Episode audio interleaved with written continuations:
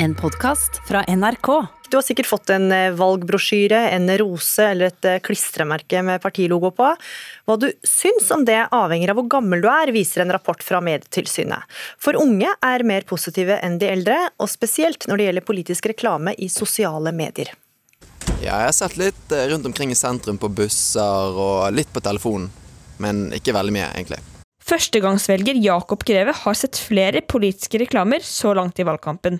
I en ny rapport fra Medietilsynet kommer det frem at syv av ti av de under 26 år er positive til politisk reklame på sosiale medier.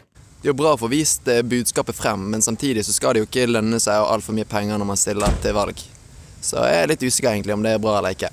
Magnus H.M. Iversen, som har skrevet en doktorgrad om politisk reklame, og som også er politisk rådgiver for byrådslederen i Bergen, tror at det kan ha noe å gjøre med hvor relevant reklamen føles.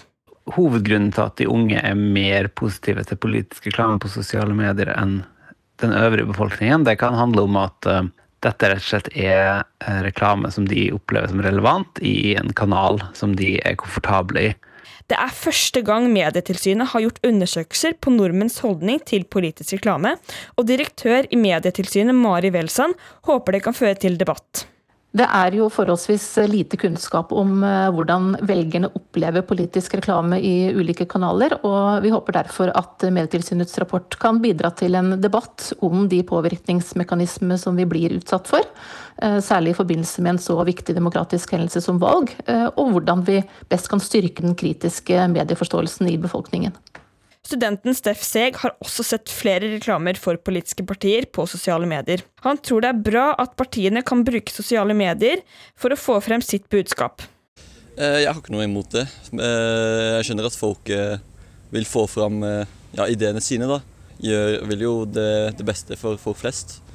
Så jeg har som sagt ikke noe problem med det. Jeg syns det er helt greit at folk får lov til å reklamere for det de står for. Og reporter her var Anne Skifjell.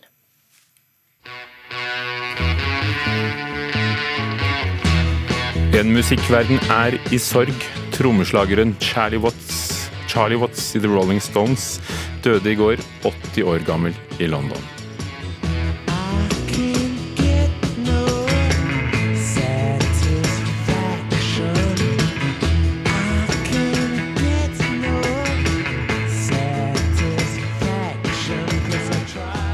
Disse tonene er altså så kjente, og et symbol på rockens uh, tiår. Rolling Stones de skulle ut på enda en turné. Charlie Watts måtte trekke seg fordi han skulle ha en hjerteoperasjon bare for noen uker siden.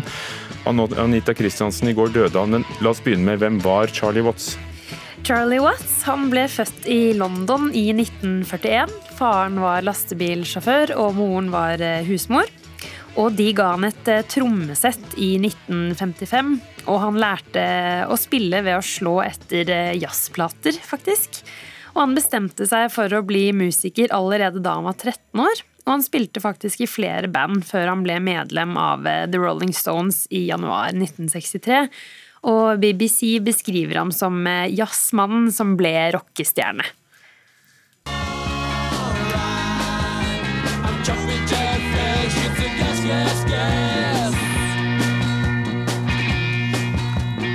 Vi tok med enda en klassiker her fra Rolling Stones-albumene. 'Jumping Jack eh, eh, Flesh'. Eh, som du var innom, jazzmann som ble rockestjerne. Altså ikke den typiske rockeren. Men hvordan har da musikerkolleger reagert? Fordi det har de. Det har de. Kondolansene og hyllester har strømmet på fra flere kjente i musikkbransjen. Eh, medlemmene i The Rolling Stones skriver i en melding at han er eh, en av de største trommeslagerne i sin generasjon. Og Elton John beskriver Watt som en mann med stil og fantastisk godt selskap, og uttrykker eh, sin sorg. Og de to gjenlevende medlemmene av The Beatles, som ofte ble fremstilt som rivaler av The Rolling Stones, de har også kondolert til både bandet og familien, og hyller Watts. Mens uh, Mick Jagger, eh, frontfiguren, var kjent som en uh, ja, ganske vill rocker, så var Charlie Watts en annen type, kan vi si det sånn? Ja, Charlie Watts han var kjent for å være en elegant og mild person, men med kraft til å sette grenser overfor de andre i bandet. Og ikke minst vil Watts bli husket som en av rockens mest markante trommeslagere, med sin spartanske, men svært effektive spillestil. Og han var en viktig faktor i det som gjorde The Rolling Stones til et av de største rockebandene i historien.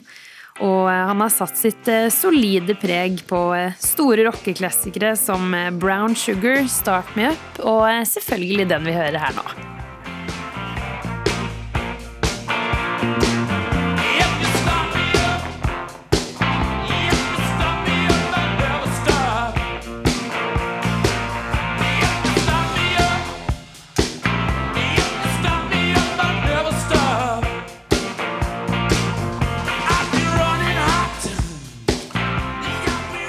Start Me Up, og så hørte vi Satisfaction og Jumping Jack Flash. Rolling Stones-trommis Charlie Watts døde i går.